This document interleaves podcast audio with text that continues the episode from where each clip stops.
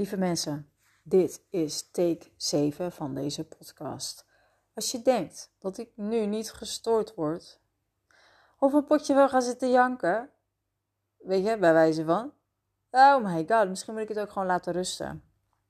Weet je, soms weet je ook niet of iets opgeven is, zeg maar van, oh, ik moet niet opgeven, of laat het los. ik geef niet op in dit geval.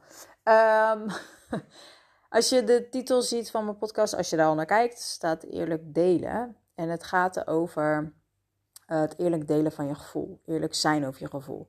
En misschien ook zelfs wat erkennen van je gevoel. Want dat is dus ook een puntje. Um, ik, ik ben daar niet zo goed in. Als in, misschien denk je ook van ja, weet je, maar als in je deelt, je deelt hele eerlijke dingen online. En uh, ik geloof dat ik ook wel gewoon eerlijk ben en open.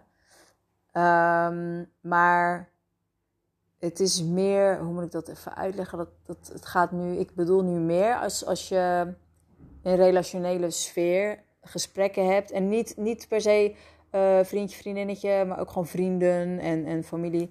Um, en er gebeurt dus iets wat je niet fijn vindt, wat je niet leuk vindt. Of er wordt iets gezegd, of er wordt iets juist niet gezegd.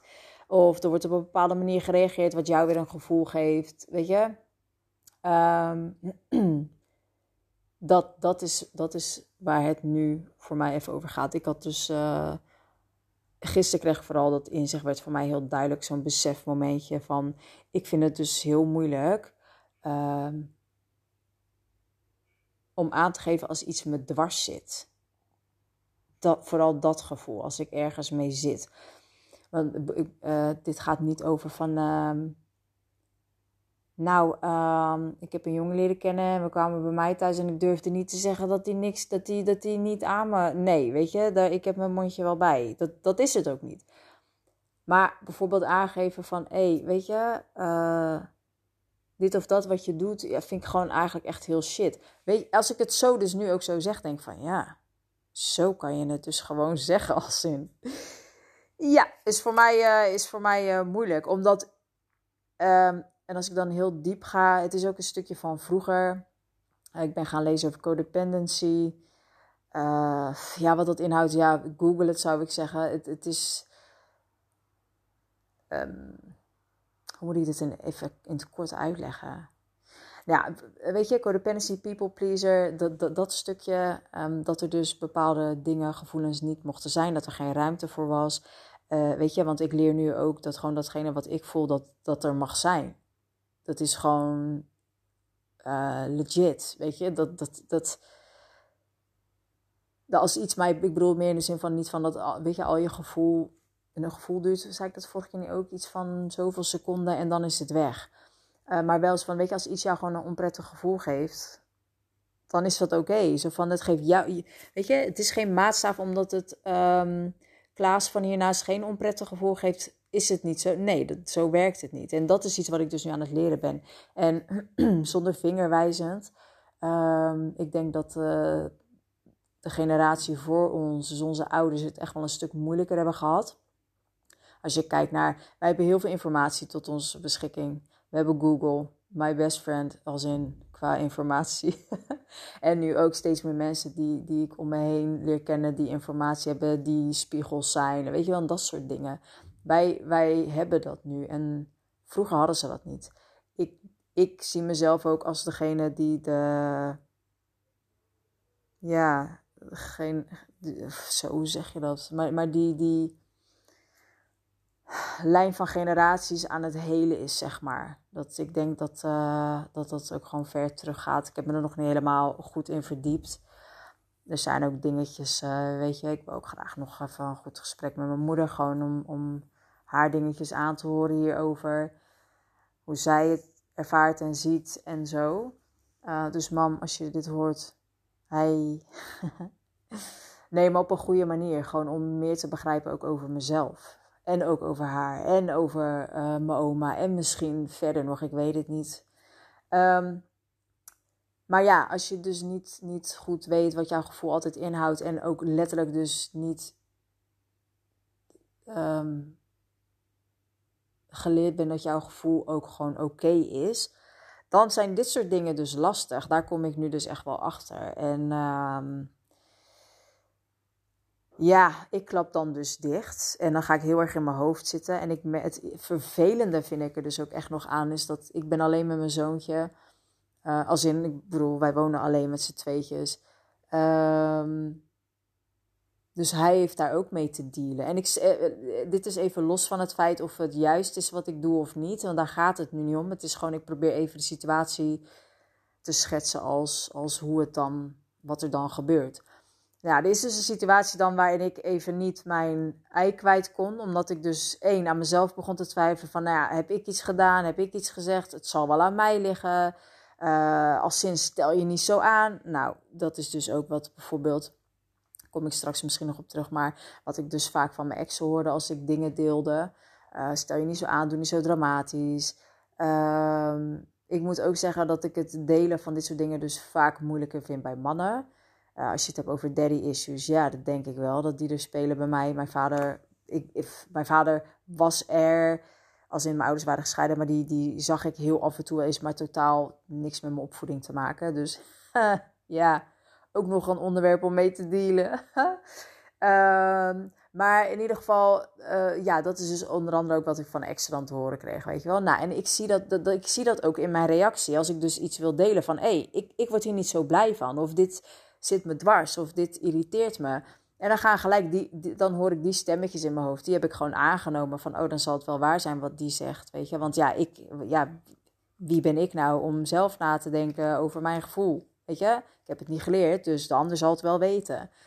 Um, klinkt heel ernstig als ik het zo hardop zeg. In de zin van dat ik me wel even besef van ja, het is, gewoon, het is ook gewoon shit. Nou ja, anyway. Um, dus dan zie ik mezelf dus op de bank zitten in mijn eigen bubbel. Want ik zit helemaal in mijn eigen hoofd. Dingen te overdenken. Uh, daarnaast ga ik ook dingen invullen voor iemand. Uh, dus door niet te reageren en te denken, ja, want die persoon zal ook wel zo reageren op mij. Uh, en dan zit mijn zoontje, die uh, wilde lekker in zijn boekjes gaan lezen. En die, die, ja, hij gaat ook altijd op de grond zitten. En dan zeg ik van, kom lekker aan tafel. Of ga op de bank. Of nee, ik zit hier prima. En dan al zijn boekjes om hem heen. En dan kijk ik naar hem. En dan breek ik van binnen een beetje. Want dan denk ik, ja, weet je, als zin, dit is niet oké hoe jij hierop reageert. Dus jij zit ergens mee. Jouw gevoel zegt je ook gewoon dat iets voelt voor jou gewoon niet oké. En ik ben zo blij wat dat betreft dat ik bezig ben met, met het helen van mezelf en, en die generatielijn en dat soort dingen. Want het zorgt er dus ook voor dat ik me bewust ben van wat ik aan het doen ben en dat ik het dus niet meer wil. En dat is al stap 1. Eindstand. Um, want ik merkte ook lichamelijk dat de knoop in mijn maag. Ik, ik had geen honger, wilde niet eten. En ik was kapot moe gewoon. Ik haat het woord eigenlijk kapot moe. mijn zoontje zei het laatst ook. Ik dacht: nee, nee, nee, nee, nee. Maar ik was dus heel erg moe.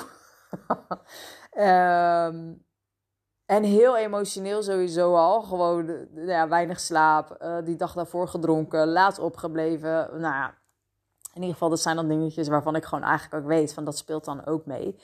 Nou ja, dan, dus ik wist gewoon van ik moet even, ik moet mijn gevoel kwijt ik moet het bij, even bij die persoon ook even, weet je, van luisteren. Ook om grenzen aan te, naar grenzen, nou om aan te geven van, hé, ja, ik vind dit niet fijn. Ik, ik, ik ga hier gewoon niet goed op. Uh, dus het was echt een huge ass stap voor mij. Zo voelde het ook echt, maar ook een heel groot besefmomentje. En ik merkte ook daarna dat er gewoon, ik voelde me zoveel relaxter. Dat ik denk, Jezus, had je dit niet even gewoon al eerder kunnen doen als zin? Weet je wel? Um, maar ook omdat ik dus, wat ik zeg, ik merk dat ik dan gewoon. En het is oké om af en toe gewoon zo je dag en je moment te hebben dat je je niet oké voelt. Hè? Ik bedoel, ja, luister, hebben we allemaal. We zijn mensen. En niemand is perfect en dat hoeft ook niet. Dat is ook saai, denk ik. Um, maar wel dat ik denk van als ik wil dat mijn zoon het beter gaat doen dan mij. Dus dat soort dingen leert en zich ook niet leert af. Dan zal ik daar zelf mee moeten beginnen. En um, uiteindelijk ook even om, om het verhaal een beetje zo af te sluiten, denk ik maar. ik hoop dat deze een beetje zinnig klinkt. Want als deze podcast ook niet, uh, dan ben ik er klaar mee. als deze ook niet. Uh. Maar in ieder geval, uh, ik kreeg dus een antwoord wat mij. Dus ik had het gestuurd en ik kreeg een antwoord. En het, ik, ik was eigenlijk verbaasd. Omdat ik dus zo dat verhaal in mijn hoofd heb van hoe waarschijnlijk iedereen wel zal reageren wanneer ik iets aangeef wat ik niet fijn vind of niet leuk vind of wat ik mis of zo, ehm, was ik best wel verbaasd over het antwoord wat ik kreeg. En het was positief verbaasd, doordat ik denk van, oh, hé. Hey, ehm, en dat gaf mij, geeft mij ook gewoon de, de moed uh, ondanks dat dat natuurlijk echt wel vanuit mezelf moet komen. Maar geeft me ook de moed van ja, als zin geef dingen aan. En luister, als iemand dus inderdaad weer zo'n houding zou hebben van... Ja, als zin kom op, stel je niet aan. Niet zo dramatisch. Of kom op hoor. Of uh, dan, dan weet je ook gewoon van deze persoon laat ik gewoon lekker met rust. Want als ik... Weet je, het erge vind ik nog als je dan... Als het, is dat ook gaslighting? Dat dingen worden omgedraaid alsof jij degene bent die... Weet je wel? En dat is denk ik ook gewoon in het verleden ook met exen gebeurd. En ehm, daar was ik ook gewoon bang voor. En dat heeft me ook tegengehouden om dit, ik noem nu dit voorbeeld, maar ook met andere dingen, om dingen dus uit te spreken. En ik ben totaal geen pushover, helemaal niet. En ik heb echt mijn bekje wel bij. Maar ik merk dan dat, ik, dat op sommige momenten is het echt wel lastig. Nou ja, uh, nogmaals, ik weet niet of dit, of dit, uh, if it makes sense. Uh, Misschien heb je er iets aan, ik hoop het. Misschien heb je ideeën erover. Eh, als iemand iets, weet je, wil delen met me, um, let me know. En ja, als je deze helemaal hebt afgeluisterd, dankjewel voor het luisteren. Tot de volgende.